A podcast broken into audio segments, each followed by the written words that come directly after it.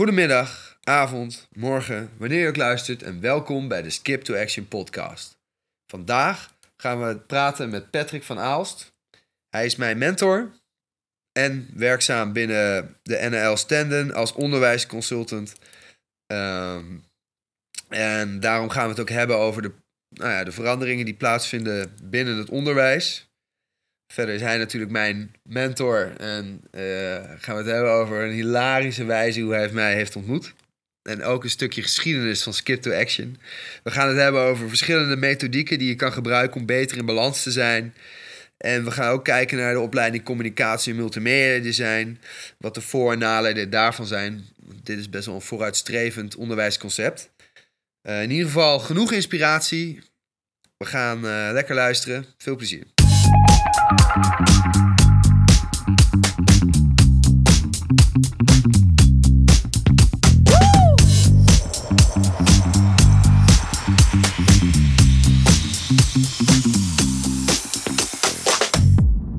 Hey Patrick. Hey Skip. Leuk dat je er bent. Nou, leuk om hier te zijn. Ja, toch? Dankjewel voor de uitnodiging. In het uh, Pixelkantoor. Zie je dat ook een keer? Mooie plek. Dankjewel, Heel dankjewel. oranje. Ja, daar zijn we heel blij mee. nou, wat leuk. Eh, nou, ik heb je uitgenodigd voor eh, nou, ja, verschillende redenen. Mhm. Bij, eh, ik zie je als mijn mentor. Nog steeds. Ik denk dat het wel eh, uniek is.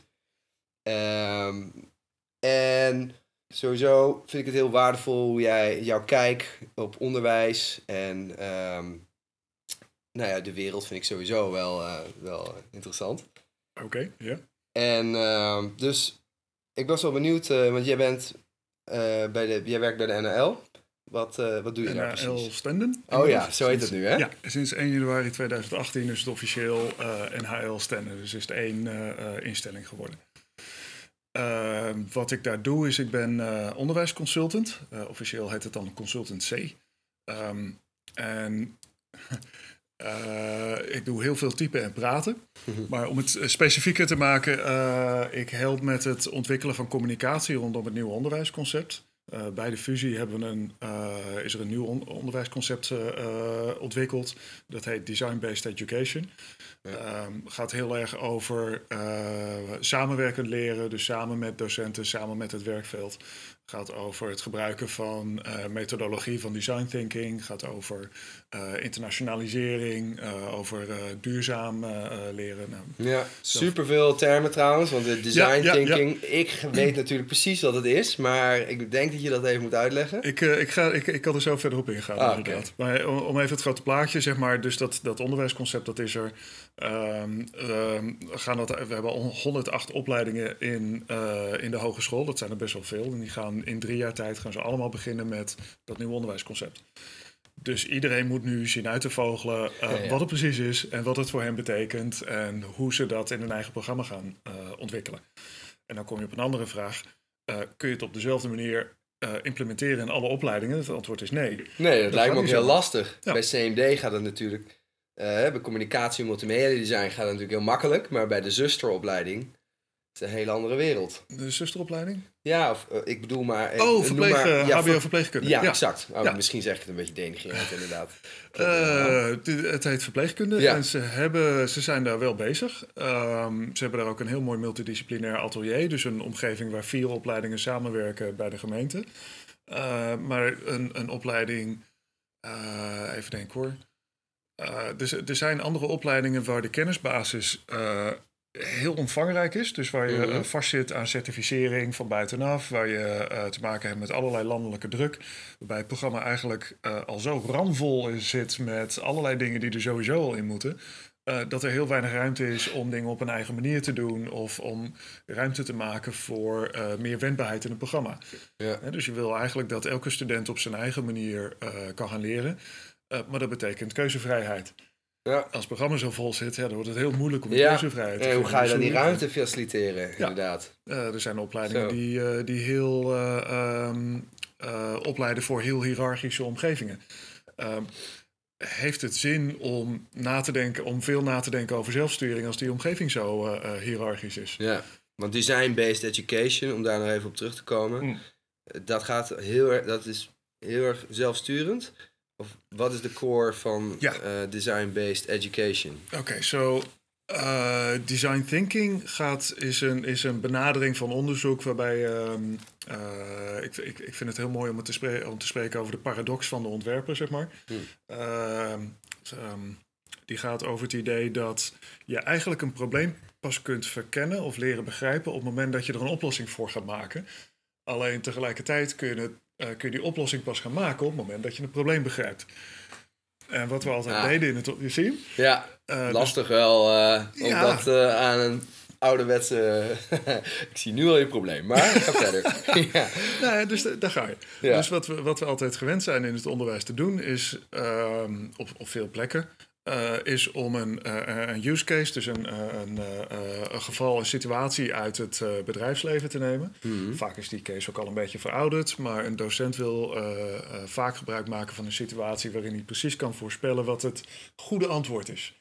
En dat er ook een logisch proces is Ja. naar dat antwoord toe. Het zou ook zo makkelijk zijn. Dat zou zo makkelijk zijn als de echte wereld ook zo was, precies. Ja. Uh, maar ja, goed, hè, je wil dat studenten hun uh, punten kunnen halen, dat ze hun essays kunnen halen, dat ze uh, goede cijfers kunnen krijgen op een tentamen of op een assessment of wat dan Ja, ook. ook eerlijk beoordeeld neem ik aan. Eerlijk Ja. beoordeeld, dus je wil, hè, je wil een bepaalde mate van controle in dat hele programma hebben. Um, dus in, in, meer traditionele onderzoekswijzes, uh, zeker op, op, uh, op scholen, uh, merk je die neiging van: oké, okay, dus we gaan eerst gaan we een vraaganalyse doen, en dan gaan we een theoretisch kader, en dan gaan we een plan maken, en aan het einde ligt daar dan de conclusie, tada! Oplossing! En die is er dan. En, En dat die is een aanbeveling. Ja. Maar die is theoretisch. En je Ja. weet gewoon niet of het werkt. Ja, ja, ik ben het hier ook zo mee eens natuurlijk door communicatie en multimedia design. Stel, er is... opgevoed. Ja, ik ben erin opgevoed, ik begrijp het heel goed, maar ik, snap wel dat het voor mensen nog best verschillend kan zijn. De, je hebt de, eh, als je kijkt naar een oplossing en je maakt een fout in het onderzoek, Ja. dan kan je helemaal ergens anders uitkomen. Dan heb je het al alle tijd gebruikt en ja, Ja. dan is het een, weer, weer zo'n oplossing waar eigenlijk het hele team al van weet. Dit is toch gaat niet werken, maar ja, we doen het maar gewoon omdat. Nou, dat, dat kan. omdat ja. Of de docent kan tijdig bijsturen en die zegt van joh, waar je nu heen gaat, dat is niet handig. Dus die, eh, die, die grijpt in. Ja. Uh, alleen de, de beroepspraktijk is dat je vaak te maken krijgt met uh, vraagstukken waar je geen oplossing voor hebt. Waar niemand je kan vertellen of je de goede of de verkeerde kant op gaat, want er is niemand anders die het weet. Uh, we, we, zitten in, in beroepsvelden uh, die uh, zo ver aan het, aan het veranderen en het ontwikkelen zijn, dat je iedere keer weer moet gaan nadenken van wat is de juiste oplossing ja. eigenlijk? Hoe gaan we om met de veranderingen binnen onze organisatie? Hoe gaan we om met veranderende dienstverlening? Noem het maar. Um, dus je wil dat studenten leren om uh, zonder begeleiding zelfstandig uit te vogelen, op een, op een robuuste manier uit te vogelen, uh, welke oplossingen daadwerkelijk effectief zijn. En dan moet je een beetje onderbuikgevoel voor uh, ontwikkelen. Mm-hmm. Nou, design thinking is een hele, hele praktische, uh, grounded manier, past goed bij het HBO ook, om uh, zo vroeg mogelijk iets uit te proberen zeg maar, in de praktijk. En dat ook te gebruiken als, als een soort onderzoeksinstrument Ja. van oké, we gaan dit uitproberen. Ja, een minimal viable product bedoel Precies, je ja. dan? ja. Ja, daarmee ga je naar je doelgroep. Nou, dan, misschien wil je nog even uitleggen wat een minimum viable product is. MVP. Ja. Ja, een soort, eh, nou ja, hè, ze noemen het ook wel vaak een pa- paper prototype of een, een kleine, eh, ja, gewoon een, een test, hè? Mhm. precies wat je zegt. Om gewoon eh, te testen, de, de, de basisdingen te testen van, eh, van een product. De Ja. kernactiviteit, nou, als dat lukt, nou, dan ga je verder. Lukt het niet, gooi het weg, ga je weer naar het volgende proberen. Precies. En bij multimedia kun je dus de makkelijk op papier een soort van eh, eh, klikbaar eh, tekeningetje Ja. maken, zeg maar. Van, nou, onze aanname is dat de klant dit heel graag wil, de gebruiker van onze websites. En dan kun je met dat stuk papier kun je al tien mensen gaan bevragen, of vijf mensen eigenlijk. heb je al goede inzichten. Klopt onze aanname? Mhm. Zo niet, dan ben je heel tijdig bijgestuurd en dan heb je allerlei nieuwe kwalitatieve inzichten in, de, in, in de reacties van je testpubliek, waarmee je verder kunt ontwikkelen.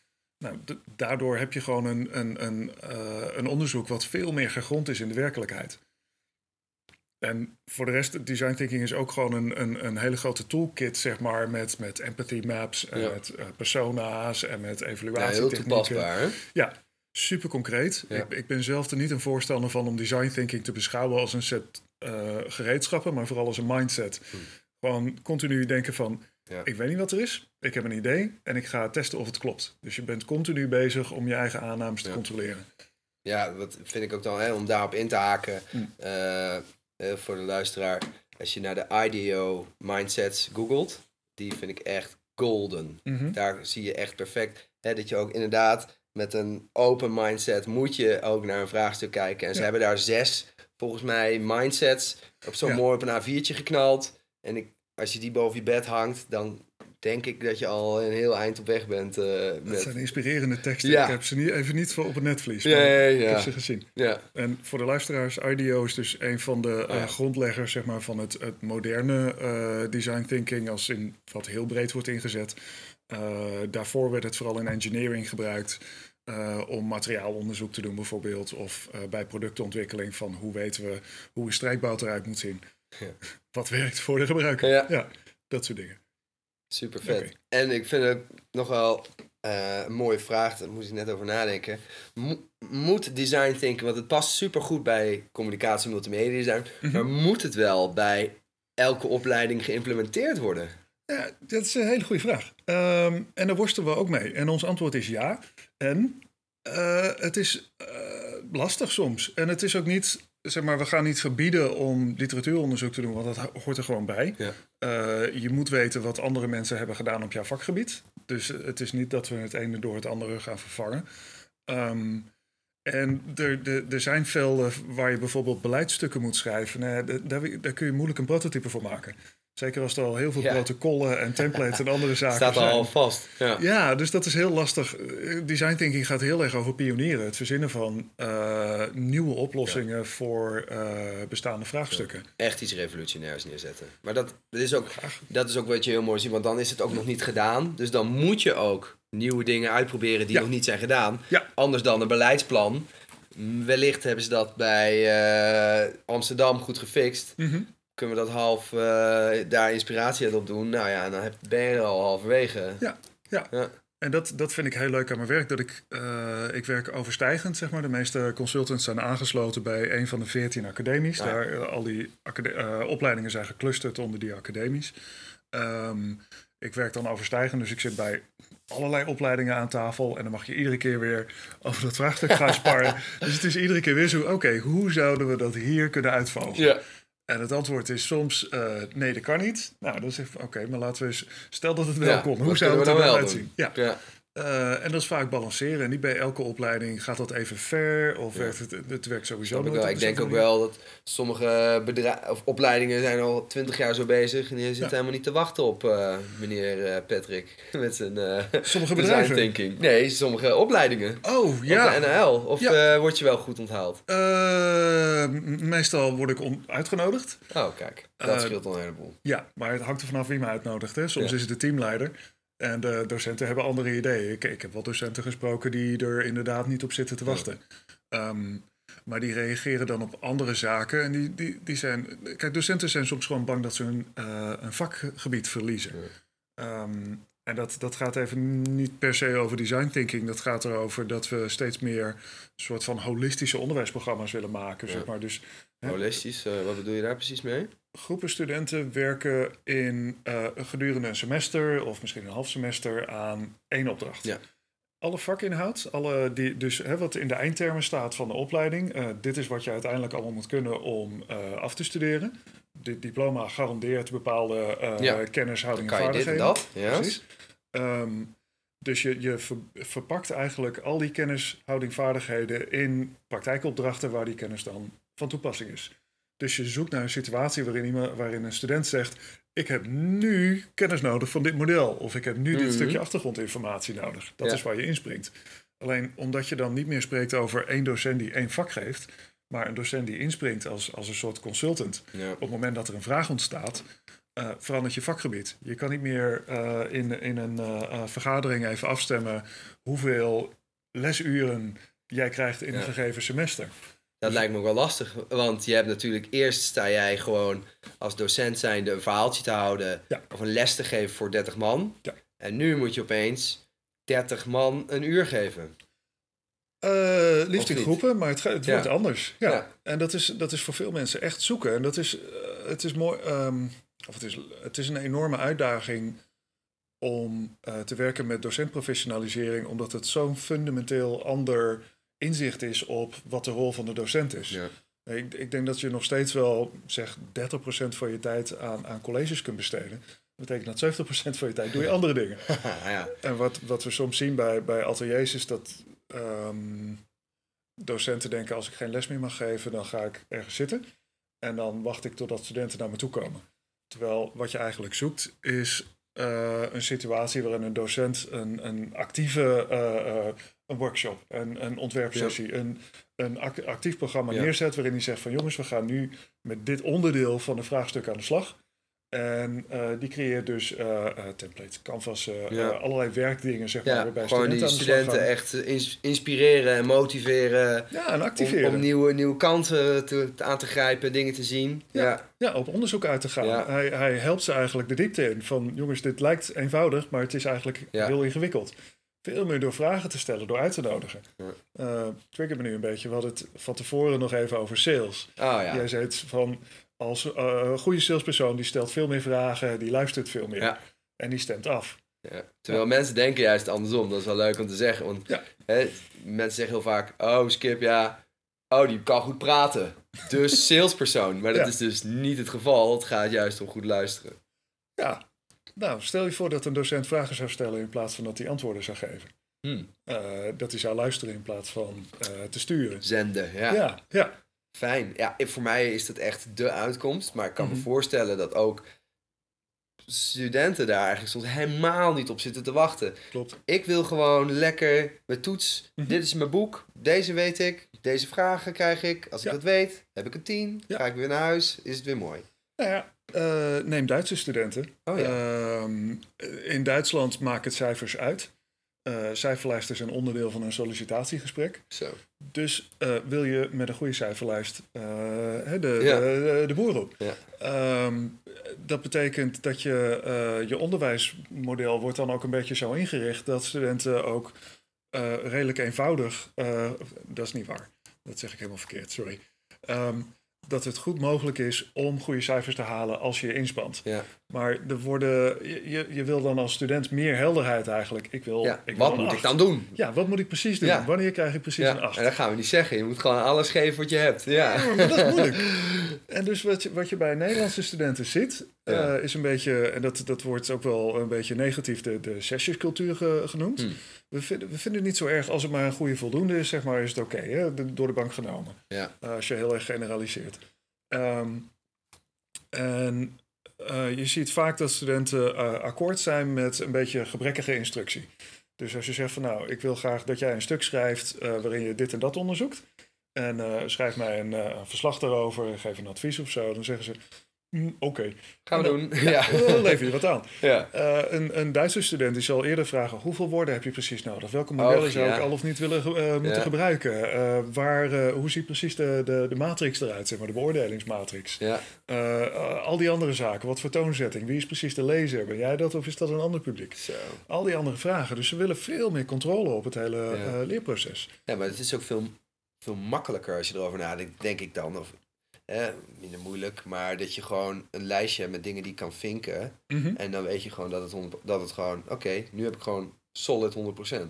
Zou het voor jou makkelijker zijn? Ik werk totaal niet op die manier. Nee, ik, Ik, ook als niet. je mij vertelt welk boek ik moet lezen, Mhm. dan vind ik het al kut. Ja. En dus ik wil zelf mijn eigen boek uitzoeken. Ik wil Ja. zelf, dit vind ik vet, dit wil ik weten. En ik ga. Maar ik ben ook wel eh, van HBO afgekikt eh, bij de CMD. Ja, nee, maar, hè, om, om, om eerlijk te zijn, ik heb CMD gedaan in Arnhem, Ja. twee jaar. Mhm. eh, op traditionele wijze, Mhm. gewoon in de les, Mhm. gewoon HTML-toets. Dat is een website nabouwen als een toets.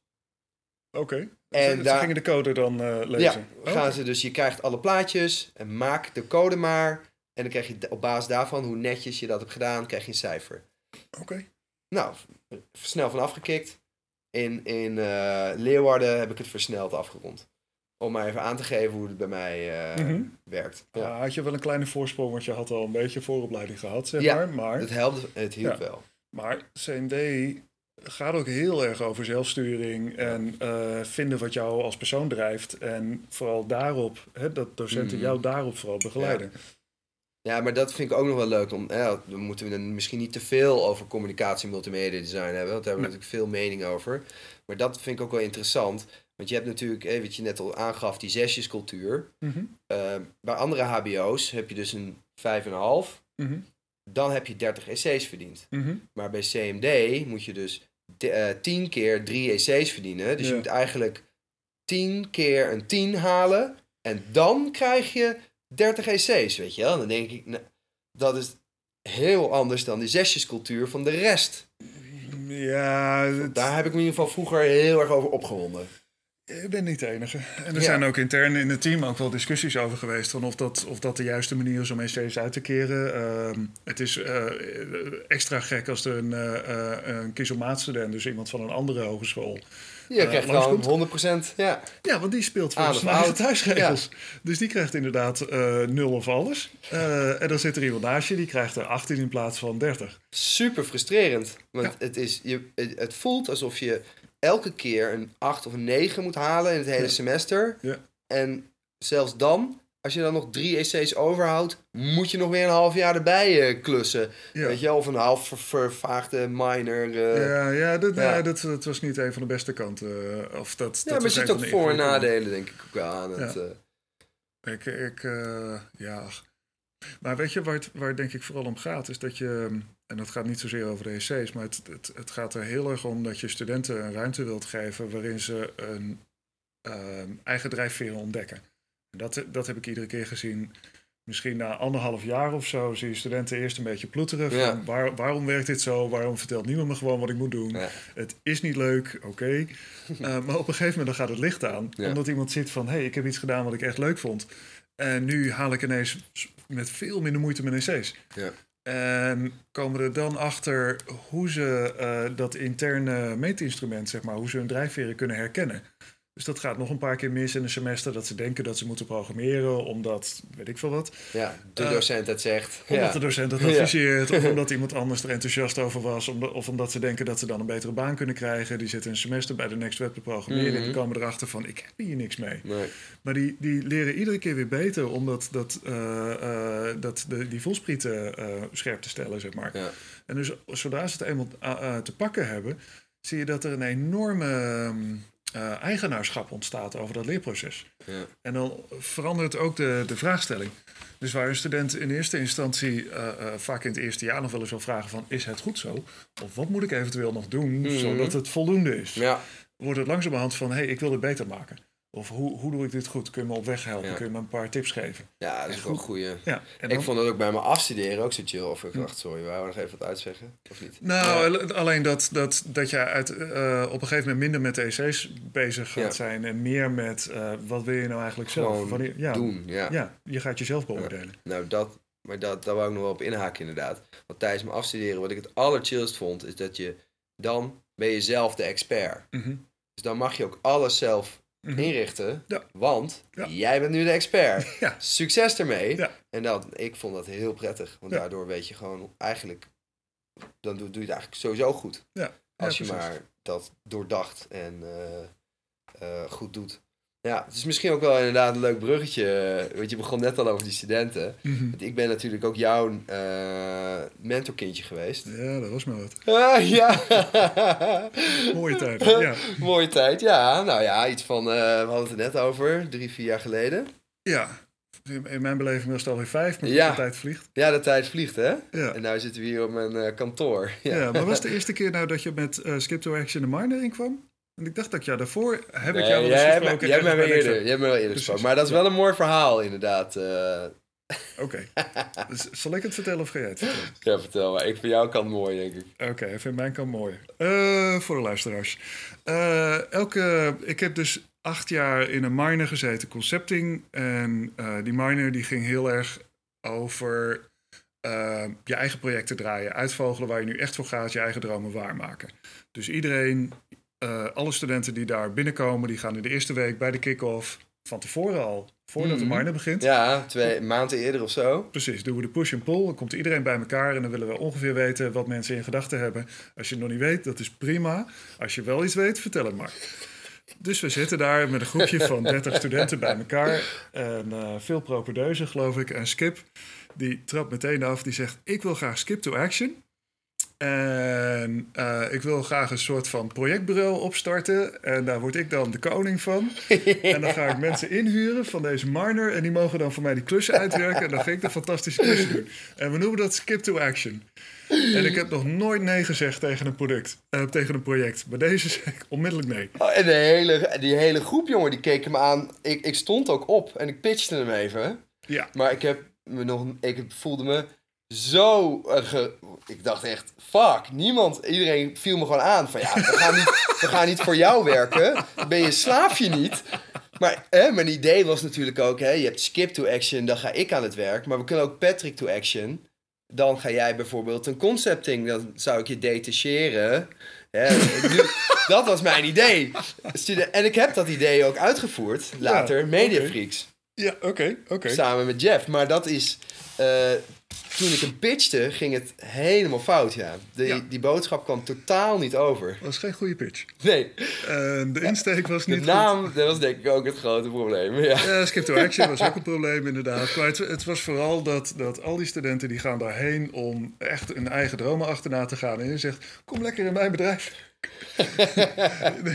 Zelfs als de mensen wel enthousiast over waren geweest, had ik daar een stokje voor ge, uh, gestoken. Ja, maar iedereen wil toch studeren en geld verdienen? Tijdens de studie, dat was mijn geweldige filosofie. Ja, er zijn ook wel andere mensen die een start-up beginnen. Ja. Maar jij, jij vroeg eigenlijk naar uh, freelance ontwerpers enzovoort. mensen die jouw opdrachten gingen uitwerken. Ja. En dat ik dacht, nou, ik heb wel netwerk, dus uh, gaan we fixen. Ga dat lekker bij uh, Bad doen of zo, of bij een van de andere minoren. Ja, het ging... Uh, het was, maar je had wel direct in ieder geval een profiel neergezet. ja, dat was ik de eerste ontmoeting. ja. Ah, nog iets eerder, maar nou ja, misschien... Toen hadden we ook een gesprek geweest, dat staat me nog vaag bij. Ja. maar er zat een bepaalde energie in en dat, dat sprak me wel heel erg aan. Um, dat je ontzettend veel energie hebt en ook gewoon van alles wilde uitproberen. Mhm. En dat je ook steeds je eigen uh, krachten aan het verkennen was.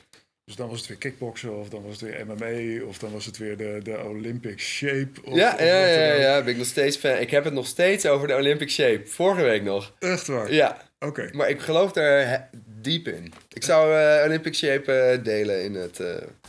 In de, in de post, inderdaad. Ja, want ik, ik, ik vond het een hele bijzondere keuze. Want je zei eigenlijk, ik ga uh, work hard, play hard.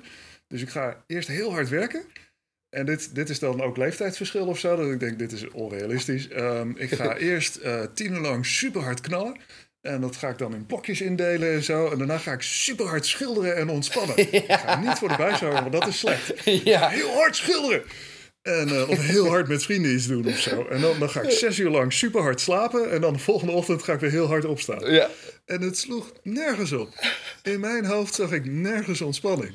Ik dacht, dit is, dit is joh, uh, nou, ik ben benieuwd hoe lang je dit volhoudt voordat je gewoon domweg omvalt. Ja. Maar dat is niet gebeurd. Nee. Dus daar, daar, uh, dat, dat vond ik ook wel weer mooi. Het, het zit hem heel erg in dat balans. Hey, waarom ik nog steeds in, in die Olympic shape geloof, is omdat sporters mm -hmm. Hebben één groot voordeel tegenover het bedrijfsleven, is dat ze alles meten en weten. Ze hebben Mhm. een coach, ze hebben een team, ze hebben voeding, deskundigen, ze hebben alles is bij hun geoptimaliseerd Mm -hmm. om te presteren. Want ze weten op het moment dat ik mijn voeding niet goed doe, Mm -hmm. kost het me een seconde. Ja. En ze weten dat het een seconde scheelt, want het wordt gemeten. Mhm. En dat vind ik zo geniaal van die Olympic Shape. En daarom, eigenlijk leef ik er nog steeds naar. Want op het moment dat je hard wil presteren, of Mhm. extra hard wil presteren, moet je dus ook extra hard ontspannen. En dat is inderdaad wat je zegt. Maar dat betekent, nou, daar zit in inderdaad genoeg slaap, goede voeding, Mhm. genoeg sporten, Mhm. genoeg tijd voor jezelf, genoeg Mhm. tijd met vrienden. Ja, ik kan me wel voorstellen dat dat dan zo overkwam. Nou, het klinkt als een, als een eindeloze reeks activiteiten. En ik, ik, ik, ik heb respect voor de, de, de discipline die daar ongetwijfeld bij hoort. Want je moet je hele dag precies indelen. Ja, En- ja je je gaat ontspannen, inplannen. ja. Maar ja, Ja. Voor, voor mij is ontspanning om gewoon een uur ergens in het gras te gaan zitten. Maar zo. dan zou je dus een Niks uur in je agenda blokken voor ontspanning. Maar maakt niet uit. Maar dat je in ieder geval weet, deze, nu ga ik, heb ik gewoon vrij, ga ik gewoon doen en laten wat ik wil. Ja, Maar je moet dan... van drie tot vier, zeg maar. Dit is, dit is ja, maar, dat, ja, maar weet je wat, Ja. wat, er veel gebeurt, is dat in het bedrijfsleven Mhm. gaan mensen dus echt keihard werken. Want er moet gebeuren, ik heb een eigen bedrijf en bla bla Mhm. bla, ik moet hard, ik moet hard. Mhm. En dan gaan ze dus van het ontspannen gaan ze afsnoepen. Want ik moet even doorwerken, ik snoep een uurtje eraf. En, dan, en als je dat, laat maar zeggen, structureel doet, Mhm. dan ga je dus langzaam maar zeker naar tering. En dit zorgt ervoor dat je het gaat inplannen. Maar ja, dat is, dat, we, we dwalen helemaal af naar Olympic Shape.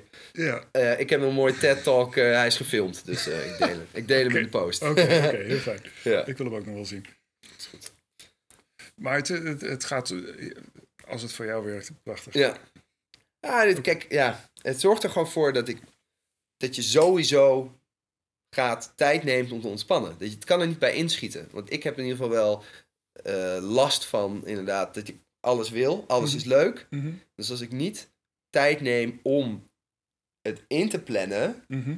dan vergeet je het. Of dan, dan doe je het Ah. niet, laat maar zeggen. Ja. En dan, daar zit het gevaar Oh. van burn-out en, en hè, wat, wat je nu veel ziet. Omdat mensen dus ja, onbewust Ja. dat er afsnoepen. Ja, precies. Voor mij is dat heel anders. Ik ben aardslui. Dus het, kost me, ik, moet- ik Oh, moet ja. stappen zetten om eh, tot actie te komen. En ik, alles, alles wat ik doe, zeg maar, eh, eh, zijn strategieën om te zorgen dat ik niet ehm, op de bank blijf hangen en een beetje op Reddit blijf rondsurfen of zo. Eh, dus ik stel concrete doelen voor mezelf. Ik maak allerlei uitdagingen. Ik gebruik eh Tomighty of Pomodoro Ja. timers, zeg maar. Oh ja, Soort oh, die vind ik ook wel interessant trouwens, om nog over te hebben. Pomodoro is te gek. Pomodoro is ook wel vet. Nee, Je gebruik Maar- je het zelf? Nee, ja, maar we hebben hier wel op het kantoor hebben we een tijdje iemand een test gedaan. Oké. Inderdaad. Om dan even voor de luisteraar. Het is een methode waar je volgens mij 25 minuten werkt. Ja. 5 minuten ontspannen. 25 minuten werken. En dan na hoeveel cyclussen pauze? Vier cycli, dus dan ben je twee uur verder en dan neem je een half uur of een uur. Oh ja. Ehm, praktisch gezien, het, het, wat, wat het voor je doet, is dat je 25 minuten lang gewoon social media en alle andere afleidingen ja. gewoon blokt. Dus je hebt eh deep focus. Dat hou je niet eindeloos vol, maar 25 minuten is te overzien. Ehm, we hebben het, ik heb het ontzettend vaak aan studenten aanbevolen. Ja. Eh, en soms begin je met 5 minuten of 10 minuten en vanuit daar bouw je op. Mhm. 25 minuten kan heel eh, eh, uitdagend voelen. Ehm, maar als ik er lang genoeg in zit, dan neem ik soms blokken van een half uur of anderhalf uur. Mhm. Omdat ik er gewoon echt door kan knallen. Ja, maar dan is- pak je dus niet meer die 5 minuten. Maar dat is toch, dat is toch juist onderdeel van eh, de Pomodoro-methode? Nee, het is, het is dat je eh, voor jezelf Oh. acceptabele blokken houdt. De Oh, standaardtijd is inderdaad 25 minuten en 5. 5 minuten pauze. Maar als je echt twee uur lang gewoon super hardcore kan concentreren, omdat dat probleem dat van je vraagt, Ja. en omdat je daartoe in staat bent, dan is dat prima. Ja. Wel dan na twee uur daadwerkelijk even wat anders doen. Ja, klopt. Wat trouwens eh, wel mooi is, als voorbeeld schetst. Ik las laatst dat het dus helemaal niet kan. Zo twee uur lang focussen. Dat gaat is gegarandeerd eh, dat je dan... eh, Ja? ja, Oh, eh, dat, dat- ik denk dat dat heel erg Ja? afhangt van wat je doet en hoe je Ja, precies je energie bewaakt. Ja. Maar ik vind het vooral belangrijk om bij het onderwerp te blijven. Dus bijvoorbeeld als ik een, als ik een workshop aan het ontwerpen ben. Mhm. Een belangrijk deel van mijn werk is nu dat ik training geef aan docenten. Ga even terug naar het nu hoor. ja is goed. Ehm, dus tegenwoordig, ik geef eh, veel trainingen aan eh, docententeams. Eh, dan doen we iets van Chaos Pilots, iets met het ontwerpen van onderwijs of hoe je onderwijs kunt uitvoeren op interactieve manieren, hoe je aan kenniscreatie Ja. kunt doen. Leuke rol. Ja, Dat- ja fantastisch. Als facilitator dan ook. Ja. Oh, leuk. Docenten zijn eh, een ontzettend moeilijk publiek om mee te trainen. Maar dat is vooral omdat ze één ontzettend kritisch zijn, twee ontzettend eigenwijs zijn, Ja, omdat ze zo getraind zijn om zelfs- ja, allemaal weten te weten. Ja, Ja, maar ze, dat, is, dat is wat ze En ze doen. weten het ook vaak, vaak, klas. ja. Ze weten het ontzettend goed, want ze zijn expert op hun vakgebied. ja. Eh, dus dat is ook een punt. Of, ze ook expert zijn in docentschap. Dat, oh, nou, maar dit, daar kun je over de discussie. Ehm, en ze hebben een ontzettend groot verantwoordelijkheidsgevoel. Eh, ze hebben een enorm idealisme. Er zit geen docent in het onderwijs, tenminste ik kom ze bijna niet tegen, eh, die meer dan twee jaar in het onderwijs zit, dus een vast contract heeft en niet geeft om het onderwijs. Hm. Dit zijn allemaal betrokken mensen Ja. en als ze eh, cynisch worden, dan is dat omdat ze vermoeid zijn of te slecht Ja. ondersteund of wat dan ook. Dat vind ik ook wel leuk om op in te haken trouwens. Oké, Want waarom ben jij überhaupt een, een docent geworden? kom ik zo op terug. Is goed. Ik ga wel even mijn, Je punt maken. ja. Ja. Dus die, die trainingen, ik ontwerp eh, ontwerpsessies. Oh Dus met eh, docententeams gaan we dan kijken van... Hey, hoe wil je dat nieuwe onderwijs eh, gaan inrichten? Het gaat bijvoorbeeld over hoe kun je een internationale learning community opzetten. Dus een, een samenwerkingsverband tussen internationale scholen. Ja. Ehm, Ik heb het antwoord niet, want ik ben geen expert op het gebied van internationalisering. Maar ik heb wel een aantal uh, manieren en denkwijzen die ik mee kan nemen, die we ter discussie kunnen stellen om uiteindelijk dat team zelf wat te laten doen. Moet ik dan denken aan die tools van uh, design thinking? Uh, of onder andere. Onder eigenlijk, andere. eigenlijk Ah, ik maak heel veel van mijn eigen canvassen. Oh, Dus, leuk. Ik eh, ook trouwens. ik maak ook veel canvassen. Grappig. Ehm, dus dat is heel veel gewoon. eh, er zijn een aantal fundamentele vragen die je wilt stellen. Van hoe, hoe ziet een leeromgeving eruit? Je weet dat het, eh, het heeft een plek. Het moet een thuisbasis zijn. Er moeten studenten in zitten van verschillende richtingen. Je moet verschillende experts daarbij betrekken. Weet je wel, welke inhoud komt er aan bod? Al dat soort zaken. Mhm. Dus die, die kerningrediënten, die wil ik ergens op dat canvas neerzetten. Op een manier die, die zinnig lijkt, zeker voor die context. En er is een pad naar die inzichten toe. Dus alle discussies die we voeren, nou, dat hele pad Ja. ga ik ontwerpen. Eh, als het een grote en belangrijke sessie is, ben ik daar soms, eh, ik denk bijna een week af en, af en aan mee bezig. Oh, super. Voor de voorbereiding van één sessie. Volgende week doe ik een eh, sessie in de week van de internationalisering. Daar zitten 55 deelnemers en dat, daar zitten een aantal, voor mijn gevoel, grote spelers bij. Ja. Ik vind dat spannend. Ja, Ik wil die, moet je die moet je gewoon scoren. Ja, eigenlijk. Ja, nee, en dan kun je nog vragen wat, wat score precies is. Ja. Maar ik, ik wil het goed doen, inderdaad. Inspire- ik wil zorgen ja, dat Ja. er echt hele goede ideeën uitkomen. Nou, dan, dan ga ik me op, eh, op een vrijdagochtend bijvoorbeeld... ga ik me nog even thuis eh, in mijn studeerkamer opsluiten. En dan leg ik van alles om me heen neer. Ik heb een whiteboard, weet je wel, eh, waar ik een aantal dingen op uitschets. En dan ben ik gewoon op een gegeven moment... ik neem een paar kleine aanloopjes. Gewoon 10 minuten inlezen, even pauze, 25 minuten. En dan op een gegeven moment, dan kan ik twee uur lang diep erin zitten. Dan Ja. word ik nergens door afgeleid. Maar ik moet daar even komen. Oh, Maar als mooi dat je dat helemaal voor jezelf hebt uitgekristalliseerd. Hoe je in die focus komt. Het, het werkt soms. wel heel... Ja, Maar energie, en dat zul je zelf ook merken, gaat op en neer Ja. door de seizoenen heen. En Ja, weet dat. ik veel wat. Je ja en als het maandag is of vrijdagmiddag. Ook dat maakt uit. Ja. Ja. en hoe groot de urgentie is. En er zijn wel dingen waar je echt op aangaat. Ik bedoel, voor mij is eh, deadlines zijn heel fijn. Ja. Eh, een gevoel van, als ik dit niet goed doe, zeg maar, dan gaat er echt iets mis. Dat, Ja. dat helemaal ook enorm omschreven. Ja, ja, ja, maar ik ken, vertel mij wat joh. Al helemaal op, op gebied van sales moet je je voorstellen wat er door je hoofd heen gaat van... Ik moet deze nu binnenharken. Ja. Want anders hebben we geen, geen werk. Nou is dat hier bij Pixel niet het geval. Nee. Maar je, als je het verneukt, Ja. dan loop je gewoon serious cashflow mis, weet je Ja. wel? Eh, Dat is een beetje de jagersmentaliteit. Van op dat moment, dan gaan al je zintuigen, je Ja. hele brein, gewoon je hele wezen gaat. Kom op, hup, Ja. naar het goal. Ja, Dan nou, wordt het ineens makkelijker. ja. Eh, dus dat soort situaties kun je ook voor jezelf creëren. Alleen dat moet je niet eindeloos volhouden. Dus dat, daar zit dat, dat ontspannen ook Mm, in. zeker. Ja, constante stress is ook eh, gevaarlijk. Roofbouw. Ja. Ja. Dan ga je op adrenaline Ja. eh, draaien. En dat is eigenlijk per definitie leef je dan op tekort. Ja. Zeg maar, dan is er meer output dan dat je eh, energie inneemt. Ja, en het is best wel gewoon. Ik merk het ook in mijn omgeving dat is zo erg. Dat, Ja? ja? zeker. Eh, dat steeds. eh, laatst sprak nog een vriendinnetje daarover. eh, en die vertelde gewoon van ja, ik lees dan verhalen op internet over de, over de burn-outs en de millennials. En dan denkt ze, ja, kut. Hoe kut is het? Dit ben ik gewoon weer, weet je wel? En er, Mhm. zijn, er zijn er steeds meer die het echt. Ja. eh, maar ja, weet je. de- maar ligt dat, dan, hè, dat, ligt dat dan eraan dat we op school laat maar zeggen, is alles eh, geen probleem. Misschien die zesjesmentaliteit. En dan opeens kom je in de, in de werksferen. En dan is het Mhm. opeens bam. Als je het nou niet doet, dan, eh, dan kan je naar huis, weet je wel. Nee, nee, hoe, nee. denk, hoe denk je daarover? Omdat ehm, dat zou een punt kunnen zijn als het vooral in Nederland speelt. Maar het speelt eh, minstens net zo hard in de VS. Het Ja. speelt minstens net zo hard in eh, allerlei andere landen. Hmm. Waar zesjescultuur echt niet aan de orde is. Ehm, maar ah, als je vergelijking bekijkt. Vroeger, hebben we het over de generatie van mijn ouders. Zeg maar. Ja. Ik ben zelf eh, eh, 42. Oh ja. Ehm, mijn vader heeft eh, zo'n beetje zijn hele leven lang bij dezelfde werkgever gewerkt. Ja. Die heeft gewoon één baas gehad. En die heeft een gouden horloge gekregen en al die andere dingen. Ehm, Ja. Jullie generatie, die heeft dat niet. Millennials hebben die baanvastheid niet. Eh, er zijn steeds meer flexcontracten waarbij je eigenlijk geen eh, pensioenopbouw hebt en al die andere zaken. Dus al die zekerheden eh, raken afgebrokkeld. Dit is de eerste generatie. Alsof, alsof ik dat ook weet je wat ik heb gezegd tijdens mijn sollicitatiegesprek. Hoi, ik kom hier drie jaar werken. Daarna Ja. wil ik een MBA halen en mijn eigen bedrijf beginnen.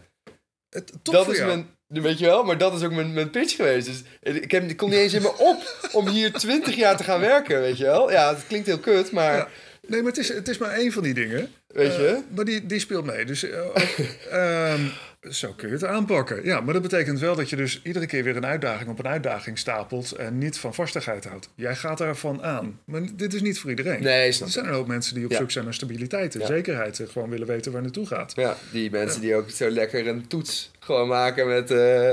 Ja, ik wil dat niet stigmatiseren, okay. maar. Ik, uh, ik, vind het, ik vind het terecht dat mensen uh, graag een baan willen waarmee ze gewoon zekerheid hebben dat als ze een huis kopen, dat ze dat huis over vijf jaar nog steeds kunnen betalen. Um, dat huizenprijzen gewoon acceptabel zijn en blijven. Ja. Um, dat, je, uh, dat het mogelijk is om een gezin te stichten en dat als je eenmaal kinderen krijgt, dat je dan ook de financiële stabiliteit hebt om een kind groot te brengen. Ja. Dat is een verplichting voor wat, 20 jaar of zo? Ja. Weet je?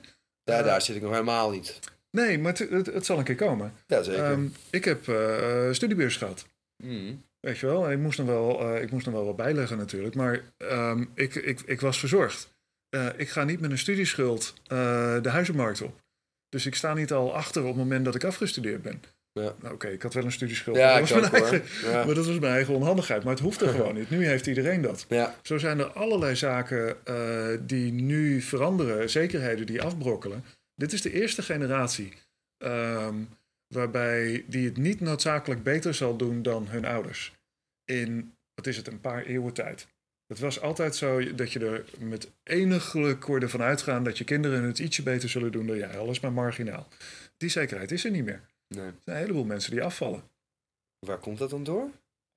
Noem het maar, groot kapitalisme, uh, veranderende markt. Uh, er zijn heel veel redenen. Ja, dus je moet be meebewegen. Ja, ik ook hoor. Ik vind het ook heel ja. lastig om dan mijn vinger erop te leggen. Mm -hmm. Hoe dat nou kan, weet je wel. Ik, ik merk het het allerergst als we dan... Uh, ik weet niet of het millennials zijn hoor, per se. Maar als ik dan met de trein naar Groningen ga... Mhm. Mm -hmm. Jij doet het nog vaker dan ik. dat er steeds vertragingen zijn, omdat er mensen voor, voor de trein springen, weet je wel. En ik word het dan zo geregeld. Ik was de laatste keer, uh, ik denk twee weken geleden of zo, was het drie keer mm -hmm. in één week dat ik in de trein zat. En ik Mhm. ga niet zo heel vaak met de trein, dus ik denk echt, ja, dit, ik, weet je wel, voor mijn gevoel gaat het through the roof, weet je wel. Maar Ik weet niet of de statistieken dat ook. uh, dat, uh, ja, dat zou zien. ik ook moeten nazoeken. Maar of uh, het- moeten onderzoeken. Ja, maar ik dat is mijn gevoel gewoon. Ja. Ja. ja, maar daar moet je niet in vertrouwen. Nee, oké. Maar ik denk dan, oh, weer één, weet je Ja. wel. Oh, oeh, weer één. Ja, Nou ja. het is angstaanjagend en er zijn heel veel. Ik bedoel, dit- ja, je kan overal van wakker liggen.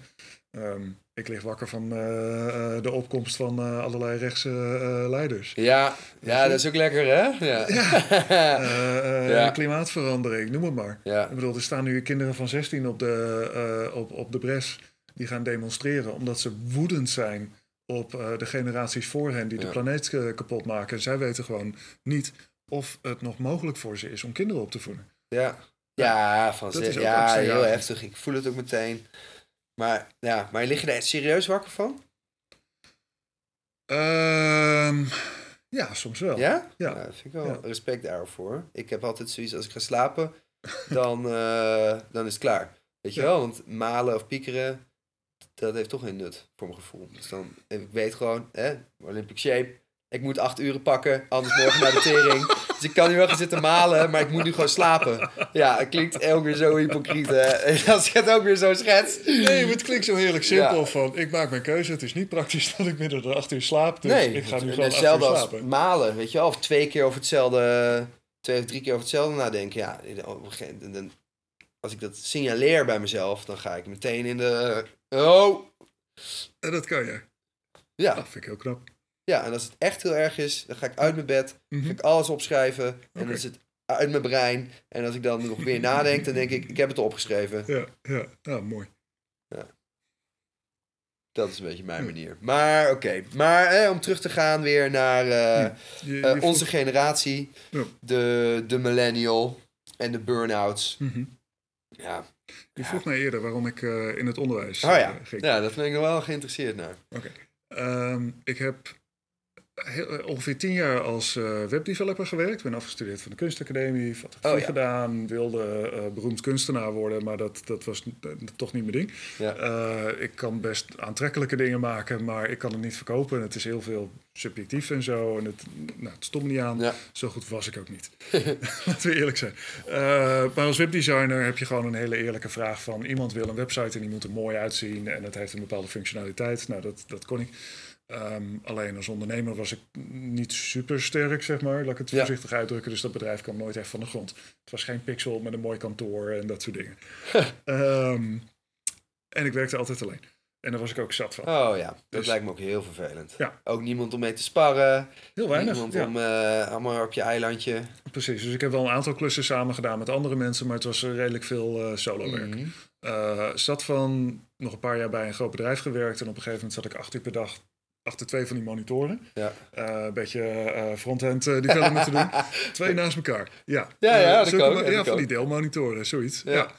Ehm, maar daar, dat, dat was mijn leven gewoon, de code die daarop kwam. En ik had niet zo'n goede klik met mijn collega's. Die had Ja. het over wat er gisteren op tv was. En Next Top Model of zo, of weet ik veel wat. Dat, dat boeide me niet zo.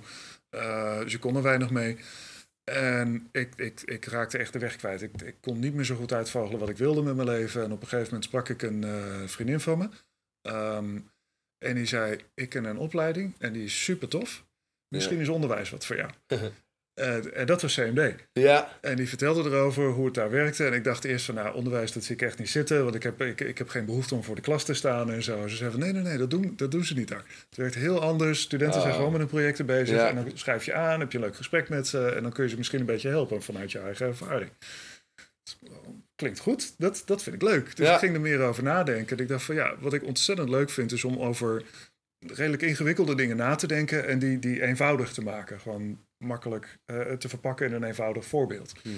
Ehm, dat, dat past bij wat zij beschreef. Ja. Over gaan nadenken, een paar mensen gesproken die er al werkten. Enthousiast geworden, vacature stond open voor eh, interaction designer. Ehm, ik dacht, dit is veel meer met mensen werken. Het is constructief, ik kan helpen bij de ontwikkeling van een nieuwe Ja. generatie. En dat, dat begon ik interessant te vinden. En het is allemaal niet zo, ik snapte het toen nog niet allemaal zo goed hoor, maar ik, ik wilde iets anders en dit klonk als iets anders. ja, snap ik. Ehm, en het klonk als echt mensenwerk en verbinding en samen gewoon mooie producten maken. Nou, daar ben ik voor. Eh, toen kwam ik er eenmaal. En het was zo fantastisch om eh, zulke begeestigde eh, studenten te zien. Zo'n stel ongelooflijk eigenwijze collega's waar je ook ontzettend veel lol mee kunt hebben. Die zo ontzettend moeilijk doen over onderwijs. Iedere keer weer. Terwijl als er iemand is die eh, zegt van nou CMD, dat is niet wat. Dan kunnen ze heel goed uitleggen waarom het allemaal goed is. Weet Ja. wel? Dat, dat vond ik fascinerend. Het zijn mensen die extreem kritisch zijn over hun eigen product. Maar er ook ontzettend hard aan werken om het echt super goed te maken. Ja, En eh, de hele wereld sprak me aan. En ik zag dat het, dat het leren werkte. Ik heb heel veel discussies gehad. Mhm. In beginsel van, ja maar moet ik geen les geven dan? Weet je wel, hoe leert een student iets? ja. En langzamerhand komt het er dan in. Je hebt al die dogmatische gesprekken. Ja. en zo, hoe oud was niet. CMD toen? Dat is nog helemaal... was eh, net begonnen, neem ik aan. 2009 ben, Ja, ik, zie. ben ik daar. Design thinking Dat was het stond nog niet eens. Nee, Het- echt, als pioniers waren jullie bezig. Een Ja. leuke periode lijkt me dat. Dat was een hele leuke periode. En toen was het er al wel, ik denk bijna tien jaar of zo. Het was al een tijdje bezig. Oké, Ehm, zo. Ook echt wel vooruitstrevend als je er zo over nadenkt. Ja, of 2003 geloof ik zijn ze opgestart. Ze Ah, waren ja. zes, zeven jaar bezig. Uh, maar ik werd zo gegrepen door hoe zo'n leerproces dan werkt. En wat dat nou eigenlijk betekent. En weet je wel, wat, wat, wat is leren dan eigenlijk? Mhm. Want het is niet gewoon dat je informatie kan onthouden. Dat was toch een beetje het oude beeld wat ik had. Ehm, het is niet dat iemand dit uitlegt en dat ik dan aan jou ga vragen van wat heb ik je net gezegd. En dan krijg je een cijfer van. Ja. Ehm, Ja, je gaat gewoon een kutvraag stellen eigenlijk. En dan denkt iemand, eh, daar heb ik niet over nagedacht. En dan eh, ja, het begin. gaan we, oh ja, nou, ga dat maar eens even doen. Ga daar maar eens over nadenken. Ja. Ja, of we gaan samen erover nadenken. Ja. Maar dat, die komt allemaal puzzels tegen. Dat, dat vond ik leuk. Wat, wat je eigenlijk eh, doet is niet zozeer mensen uitleggen hoe ze dingen moeten doen. Maar samen uitvogelen hoe je een probleem kunt oplossen. En dat een beetje helpen met uitvogelen, zeg maar. Hoe heb ik dat zelf eh, leren doen? Mhm. En als je ziet hoeveel drive eruit ontstaat, hoe de relaties tussen docent en student zijn. Eh, ik vond het fantastisch. Vooral ook hoeveel studenten van elkaar leren, Ja. eh, kunnen leren. En dan zie je dat, ik begon daar een beetje dat idee te krijgen van eigenlijk moet een docent zichzelf gewoon zo snel mogelijk overbodig maken, z- zeg maar. Dus in beginsel help ik je een beetje en daarna ga ik Ja. zo snel mogelijk stapjes terug doen, Ja. totdat ik uit beeld verdwenen ben. Ja. En dan de hele tijd ja, net op dat niveau houden dat je zegt van, ah, blijf ah, oké, weet je wel. Bijna zo'n worstje voorhouden. Ja, nou ja, ja, er moet wel hè, er moet een soort spanningsveld Ja. blijven, waarbij je als student ook blijft ervaren van, oh ja, ik moet het wel zelf doen. Ja, Ehm, en ik Dat kan niet op diegene blijven leunen. Dat is, hè? dat is heel erg de kracht. Ja. Van ik moet het Ja. zelf wel doen. En ik denk ook, eh, om dan weer dat bruggetje misschien te maken. Ik weet niet, volgens mij staan CMD'ers ook best wel hard in burn-outs. Maar dat Oh, terzijde. Ja, Ja, eh, maar daardoor kan je het misschien beter, eh, ja, hoe zeg je dat, relativeren. Eh, hè, doordat je denkt van, oké, ik moet het wel zelf doen. Mhm. En dat je daardoor ook misschien, ja, ik weet niet, maakt het je resistenter tegen burn-outs? Even om weer terug te gaan naar die burn-outs, ik weet het eigenlijk niet. Nou ja, ik denk dat, dat eh, goed onderwijs, en dat is een van de facetten van DBE ook, van Design-Based Education, dat noemen we duurzaam onderwijs, Oh, ja. Is dat je mensen helpt om... Ja, Ja, Ja, ik, verkoop, ik verkoop hier ook duurzame samenwerkingen, want abonnement schikt de klant af. ja Nee hoor, het, het, het, is, het is een term met twee betekenissen. En De, de ene helft gaat over dat we nadenken bij de producten die we ontwikkelen. Ja. Dus dat we, dat we ook zeggen van oké, wat, wat kost dat aan, aan eh, fossiele brandstoffen enzovoorts. En is het, is het hernieuwbaar? Hmm. Uh, maar ook ehm, gaat dit tot duurzame leerresultaten leiden? Ja. Leer ik jou iets wat je puur alleen nu kunt gebruiken of kun je dat verder doorzetten? Leren we jou om om te gaan met je eigen energiehuishouding als student zijnde? Eh, kun je uitvogelen? Ja. Nee, maar dat zou, dat zou zo key zijn. Maar dat, Ja. ik heb denk ik, als ik niet CMD had gedaan, hè, want Mhm. ze zouden het ook over menschap hebben, maar ik denk dat we daar geen tijd voor hebben vandaag. Ehm, maar is geen probleem. Eh, eh, ik heb, laat maar zeggen, we hebben dan de competentie growth en reflection. Mhm. En die was voor mij essentieel. Voor mij heb ik die ook drie keer op expert gedaan, of twee keer of zo. maar eh, omdat ik ook gewoon de ruimte kreeg om Olympic Shape helemaal... Ik heb jou, eh, wat is het, eh, twintig kantjes Olympic Shape aangeleverd. Met Eat That Frog, had ik ook allemaal boeken helemaal oh uitge... weet je wel, hè, om dan weer... En dan kwam ik weer bij jou en ik heb weer niet zo heel veel bedacht. En, en maar omdat ik ook de ruimte kreeg. En op het moment dat ik dat niet zou hebben gedaan... Mhm. En ik zou hier nu zitten zoals ik dan toen was, Mhm. zonder de kennis over waar ligt mijn grens. Ik ben ervan overtuigd dat ook, eh laat maar zeggen, werken is net als een spier. Die moet je Mhm. ook trainen. Ja. En ik ben daar tijdens mijn studie ontzettend mee bezig geweest. Nou, Mhm. En ik denk niet dat ik dat inzicht had gehad Nee. zonder, Nee, maar zeggen, eigenlijk consults met jou. Om Ja. ik nu zo over nadenk, trouwens. Nou, fijn. Ja. Ik ben blij dat ik bij uh, daar Ja, maar je hebt sowieso veel bijgedragen. Ja, nou, maar dat ik, ja, kan je lachen, maar dat is wel... eh, Ja, maar dat, Ja. Dat, was, dat was een van de leukste dingen. Echt de, de, de, de meest waardevolle consults die ik heb gedaan, of de meest waardevolle mentorgesprekken. Ik weet nog van een jongen die, die zat helemaal vast en die, die, die, die ging ook richting een burn-out. ja. Ehm, en die, op een gegeven moment had ik het er met hem over van wat, wat doe je eigenlijk? Hoe ga je om met, met je administratie enzovoorts? En hij, langzamerhand kwamen we erop uit dat hij eigenlijk geen brieven meer openmaakte. Dat hij gewoon allemaal rekeningen Oh. stapelde zich op. En op een gegeven moment kom je op zo'n punt dat je gewoon niet meer Je kunt durft niet meer te kijken, hè? Het is een beetje als net naar de tandarts gaan. Na drie eh, jaar durf je niet meer... Nee, ik, Ja, ja. het wordt sluit steeds erger. Ja. Ik durf niet. Ja. Precies. Dus de- en daar was hij in Och. vastgekomen. En op een gegeven moment dan ben je op zo'n plek dat je zegt van... Oké, ik weet je wat? Bel je moeder. Bel je moeder. Vraag haar om naar je huis te komen. Dan ga je van het weekend ga je samen gewoon één voor één alle laadjes, alle brieven bij elkaar verzamelen. En dan ga je ze één voor één openmaken. Ja. En vraag, vraag je moeder om hulp. Oké, je vertrouwt je moeder? Oké, ga dat doen. Nou, en dan spreek, je, eh, spreek ik hem drie weken later of zo weer. Helemaal opgebloeid. Ja, nou ja, hij was wel, ik bedoel, hij was daar kapot van wat er allemaal aan de hand was. Dus zijn moeder was natuurlijk ook niet blij. Maar Ja. het was wel gewoon de spanning was er vanaf. systeem, Ja. joh. St- Ja. Hoeveel capaci- denkcapaciteit dat wel niet vergt. ja. Kijk, en, en onderwijs zou wat mij betreft moeten gaan over nou, eigenlijk drie dingen. Dit is niet van mij, dit is van Bista. Die zegt, eh, onderwijs heeft drie taken. Ehm, eh, kwalificatie is eigenlijk voorbereiding op de beroepspraktijk. Ehm, socialisatie is eh, onderdeel worden van de samenleving. Dus leren om samen te Mhm. werken met anderen. Leren om met tegengestelde geluiden om te gaan. Leren om je te verplaatsen in een ander. Al die zaken. Ja. En eh, de laatste is socialisatie. En dat gaat echt over persoonswording. Eh, wat ook wel beelding wordt genoemd, zeg maar. Ja. Maar dat, ik denk dat we in het, in het HBO en het- weet je, met alle efficiëntieslagen die er zijn geweest over de afgelopen zoveel jaar, dat we steeds meer zijn gaan focussen op voorbereiding op de beroepspraktijk. En al die andere zaken van wat betekent het om een mens te zijn in deze Ja. samenleving, zijn we helemaal uit het oog verloren. Wat is geluk?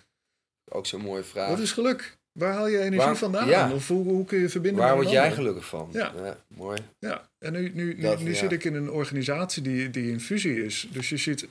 En wat ik, wat ik leer is dat een organisatie in fusie, dat, dat schuift, zeg maar. Dat zijn allemaal tektonische platen, allemaal afdelingen die over elkaar heen schuiven. Tectonisch, wat bedoel je daarmee? Aardlagen. Oké, ja. Zo. En, eh, aardlagen die over elkaar heen schuiven, daar komen aardbevingen van. Het rommelt en het kraakt en het schuurt. Ehm, waar ik achter kom, is dat je daar hele mooie modelletjes en strategische plannetjes op los kunt laten. Maar uiteindelijk is het mensenwerk. Ja. Die mensen moeten erachter staan, die moeten eh, zich op hun plek voelen, die moeten zich gehoord voelen.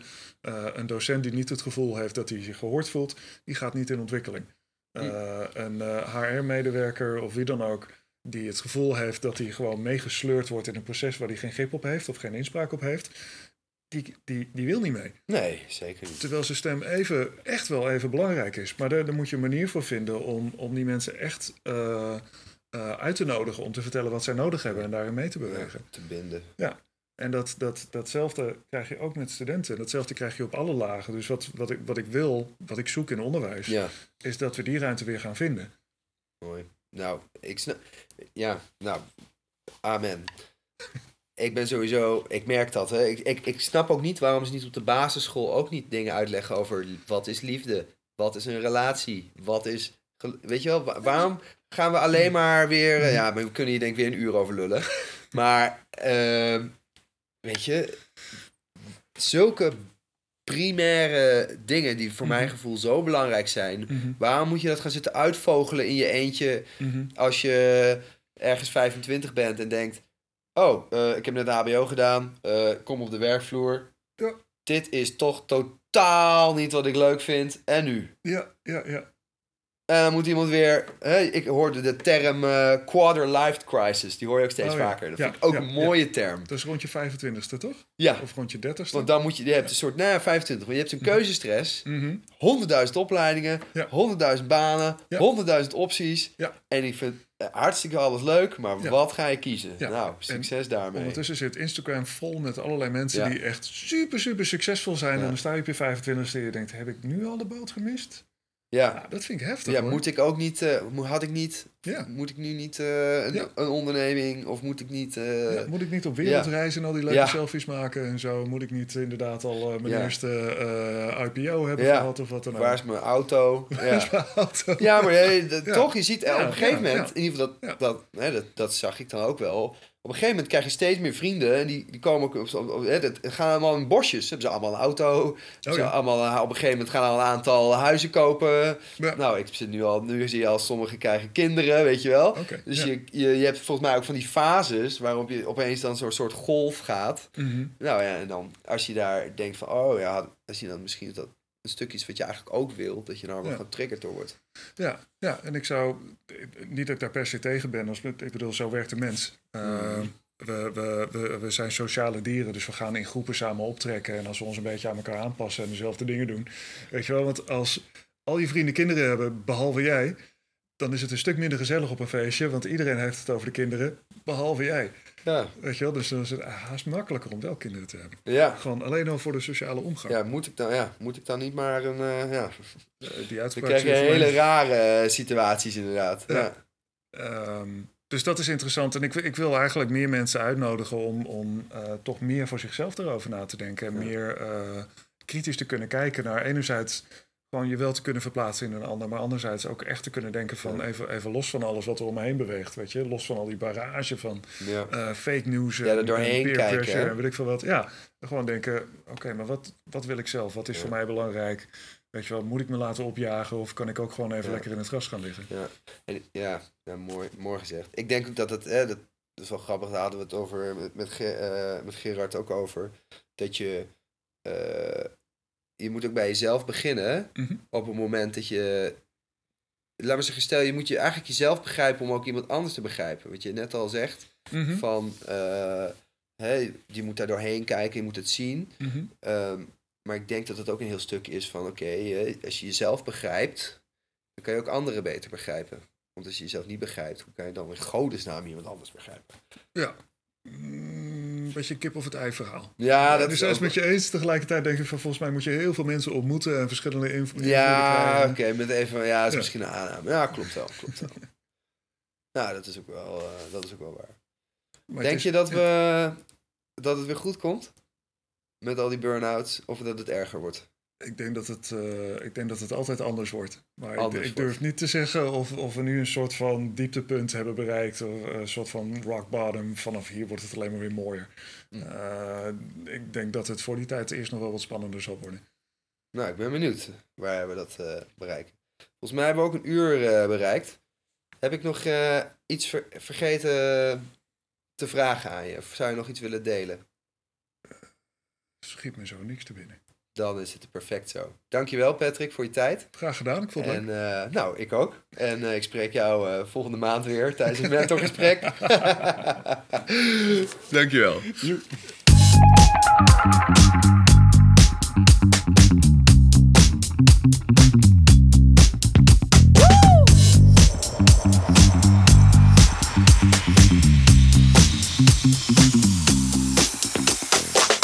Je hebt het gehaald.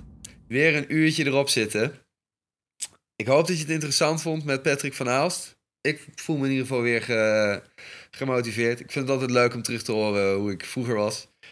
En eh, nou, mocht je het nou tof vinden, laat het vooral weten. Stuur me een mailtje, stuur me een appje. Eh, volgende maand ben ik er weer met een nieuwe podcast. Dankjewel. Hoi.